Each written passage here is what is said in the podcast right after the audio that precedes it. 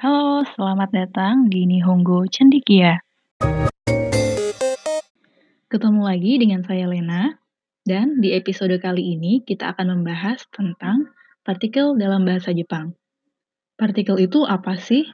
Kalau Minasang belum tahu apa itu partikel, no worries, karena at the end of this lesson, Minasang akan punya gambaran tentang apa itu kegunaan partikel dan partikel apa saja yang ada dalam bahasa Jepang. Pertama-tama, yuk kita dengarkan dulu cuplikan percakapan berikut ini.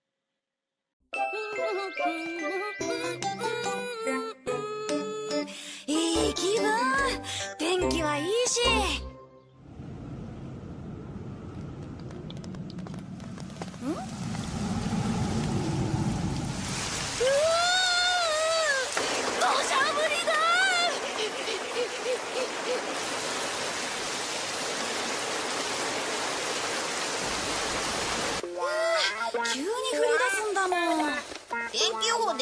じゃないか今日は一日中雨だってええ静香ちゃんとスケッチに行く約束してるのに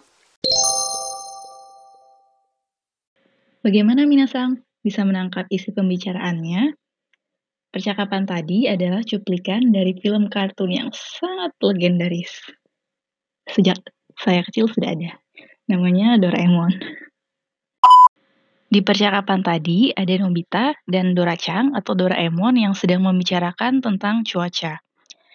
Nah, sekarang kita akan membahas dialog tadi kalimat per kalimat dan kata per kata. Jadi yang belum mengerti, nggak perlu khawatir ya.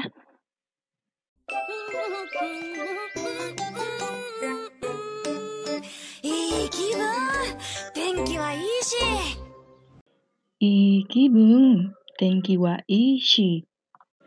Kata pertama yang akan kita pelajari adalah i, yang jika ditulis dalam hiragana uh, terdiri dari dua huruf, yaitu i dan i. I adalah kata sifat yang artinya baik atau bagus. Kemudian kata kedua adalah kibung, artinya perasaan atau mood. Jadi, i kibung artinya I'm feeling good. Gitu kira-kira. Kemudian eh, kalimat kedua adalah tenki wa ishi. Tenki itu dalam bahasa Indonesia artinya cuaca atau dalam bahasa Inggris weather. Kemudian wa adalah partikel subjek. Eh, kemudian kata ketiga adalah i. Itu kata yang baru saja kita bahas. Jadi tenki wa i artinya cuacanya bagus. Akhiran shi di kalimat tenki wa ishi ini akan kita pelajari di tingkat yang lebih lanjut.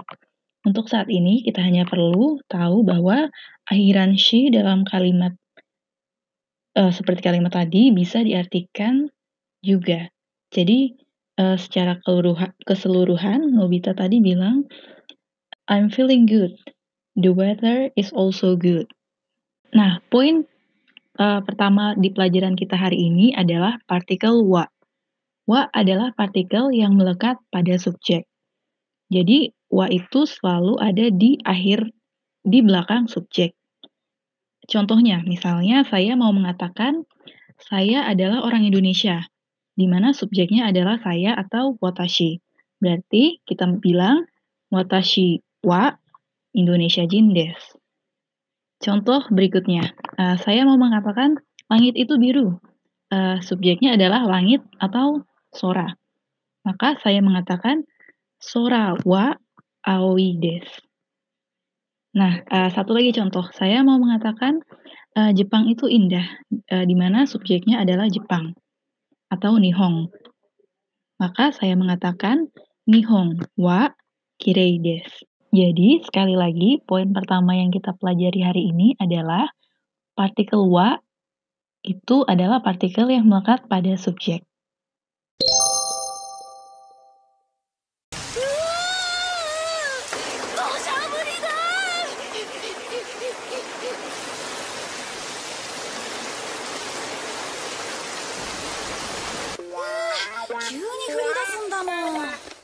Dosha burida.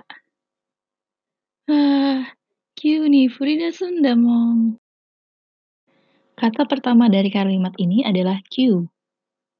Kalau dalam hiragana ditulis ki ditambah u kecil jadi q, kemudian di belakangnya dikasih u lagi.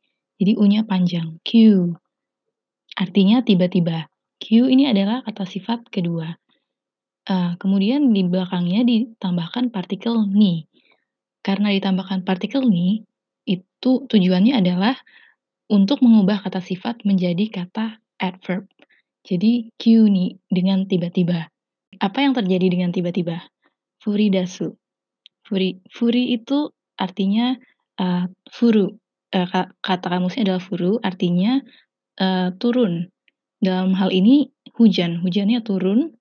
Dasu itu uh, maksudnya start to. Jadi uh, hujannya start to turun dengan tiba-tiba gitu. Q ini furi dasun. Uh, artinya dengan tiba-tiba hujannya turun atau hujannya turun dengan tiba-tiba. Sedangkan damong yang di, di akhir kalimat itu sebenarnya apa ya kalimat itu dipakai untuk percakapan hanya untuk percakapan tidak akan uh, keluar di tulisan. Mengenai ini akan kita bahas di podcast selanjutnya karena penekanan di uh, dalam kalimat ini adalah partikel ni yang membentuk adverb tadi. kalau begitu yuk kita lihat contoh penggunaan partikel ini untuk mengubah kata sifat menjadi kata adverb. Misalnya, eh, saya mau bilang dia bisa berba, eh, berbicara dalam bahasa Jepang dengan bagus atau dengan dengan lancar. Eh, karewa eh, yang artinya dia laki-laki, nihongo de dalam bahasa Jepang, jozu ni Jozu itu adalah kata sifat yang artinya uh, pintar atau bisa dibilang uh, bagus. Jozu nih dengan bagus. Kemudian uh, berbicara hanashimas. Jadi kalau digabung karewa nihongo de jozu ni hanashimas. Artinya dia bisa berbicara dalam bahasa Jepang dengan bagus. Contoh kedua, uh, misalnya ada uh, di dalam rumah nih ada anak kecil yang lagi tidur. Jadi kita mau bilang uh, jangan ribut, masuklah ke dalam rumah dengan tenang, dengan tidak uh, berisik. Jadi uh, kita bilang dengan tenang, shizuka ni. Shizuka artinya tenang, ditambah ni artinya dengan tenang. Heya ni ke dalam ruangan, haite kudasai uh, tolong masuk. Jadi, uh, tolong masuk ke dalam ruangan dengan tenang. Shizukani, Heani Haite Kudasai. Itu dua contoh penggunaan partikel ni untuk mengubah kata kata sifat menjadi adverb. Partikel ni ini bisa dibilang multifungsi. Jadi selain kegunaan untuk mengubah menjadi adverb tadi, uh, Partikel ini bisa juga dipakai untuk uh, di, untuk menerangkan uh, kata keterangan tempat atau tujuan, tempat tujuan. Misalnya, uh, saya mau bilang uh, pergi ke kantor atau pergi ke tempat kerja. Uh, kaisha artinya kantor, ditambah ni ke kantor, kaisha ni ikimas, pergi. Jadi uh, kaisha ni ikimas, pergi ke kantor. Contoh lain, uh, Jimoto ni kaerimas. Jimoto itu artinya kampung halaman.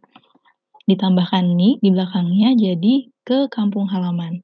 Kaerimas itu artinya pulang. Jadi pulang ke kampung halaman. Jimoto ni kaerimas. Nah, dua kalimat tadi adalah contoh penggunaan partikel ni untuk menunjukkan kata keterangan tempat tujuan. Oke, itu penggunaan nomor dua. Penggunaan uh, partikel ni nomor tiga adalah uh, kepada. Jadi misalnya saya memberikan bunga kepada ibu saya. Nah, bisa dibilang begini, hahani, haha itu artinya ibu saya. Hahani kepada ibu saya, hanao agemas, memberikan bunga. Haha ni hanao agemasu.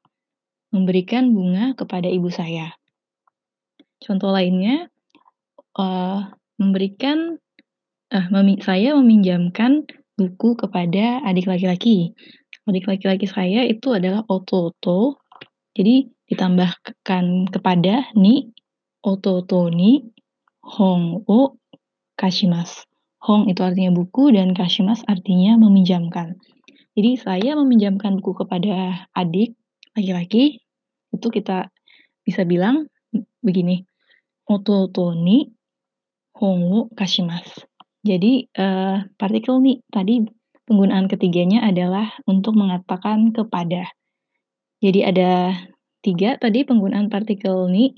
Pertama untuk uh, membuat adverb, yang kedua untuk menunjukkan kata keterangan tempat tujuan, dan yang ketiga adalah untuk uh, meng mengatakan kepada. 天気今日は一日中雨だって。天気予報で言ってたじゃないか。今日は一日中雨だって。Tadi kan ada di perkiraan cuaca. Katanya hari ini seharian akan hujan. Nah, uh, poin ketiga dari pelajaran kita hari ini adalah partikel D. Dalam contoh tadi, uh, digunakan seperti ini. Tenki yoho de iteta janaika. Kata pertama ada dari kalimat tadi adalah tenki yoho, artinya perkiraan cuaca. Tenki yoho de artinya di di perkiraan cuaca. Uh, kemudian kata kedua adalah iteita, artinya kata dasarnya, kata kamusnya adalah iyo, artinya mengatakan. Iteita itu maksudnya uh, bentuk lampau, bentuk lampau uh, dari mengatakan. Uh, jadi kira-kira artinya begini. Tenki yohode iteita. Dikatakan di uh, perkiraan cuaca. Nah, fokus kita di poin ketiga pelajaran hari ini adalah partikel D. Partikel D bisa digunakan untuk menunjukkan uh, tempat. Tapi kalau tadi uh, partikel mi itu untuk menunjukkan tempat tujuan, kalau partikel D itu untuk menunjukkan tempat terjadinya kegiatan. Misalnya uh, saya mau mengatakan saya belajar di sekolah. Sekolah itu gakko, di sekolah itu gakko de. Jadi gakko de benkyo shimasu. Artinya saya belajar di sekolah. Uh, kemudian selain tempat yang secara fisik ada tempatnya, partikel D itu bisa juga digunakan untuk menunjukkan uh, situasi. Jadi bukan tempat secara fisik tapi situasi uh, yang taking place di suatu waktu. Misalnya uh, seperti ini. Misalnya saya seorang mahasiswa, saya mau bilang ke teman saya bahwa di uh, di lecture di kelas minggu lalu sensei uh, atau profesor itu mengatakan sesuatu. Bisa apa saja, entah itu pengumuman uh, akan ada akan ada tes atau pengumuman akan libur, apa saja. Yang penting saya mau mengatakan uh, di kelas minggu lalu sensei atau profesor mengatakan sesuatu. Jadi saya bilang begini, uh, senshu, senshu itu adalah minggu lalu, senshu no jugyo. Jugyo itu uh, lecture atau kelas. Jadi senshu no jugyo de di kelas minggu lalu sensei ya sensei uh, ite ita mengatakan. Jadi senshu no jugyo de sensei ga ite ita. Sensei mengatakan sesuatu di lecture minggu lalu.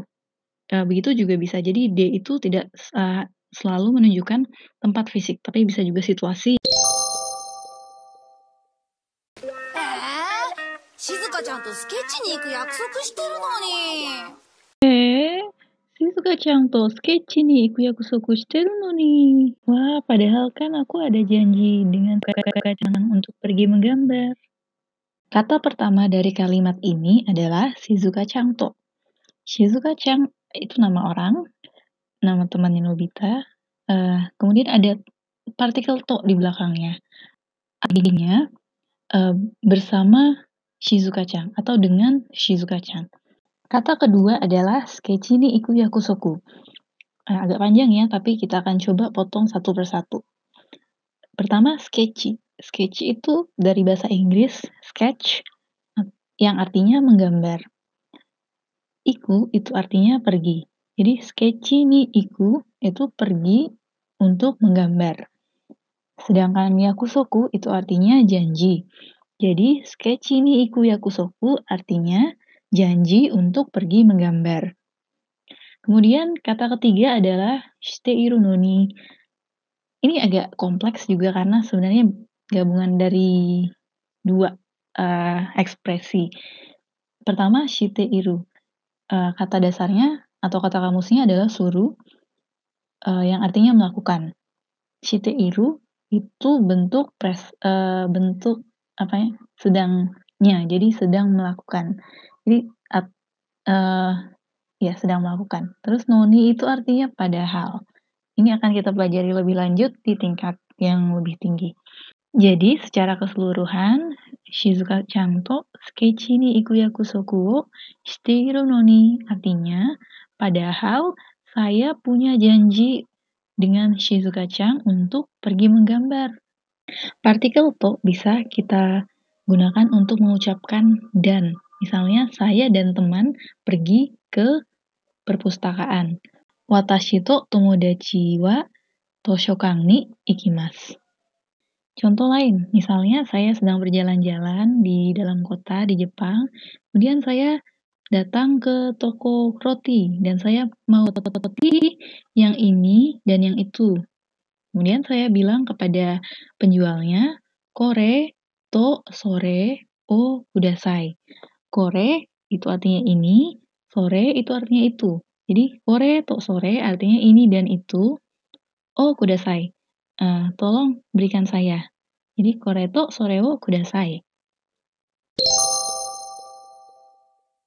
Minasang, itu tadi pelajaran kita hari ini. Hari ini kita sudah mengcover uh, pelajaran tentang partikel. Ada empat partikel yang kita pelajari, yaitu partikel wa, partikel ni, partikel d, dan partikel to.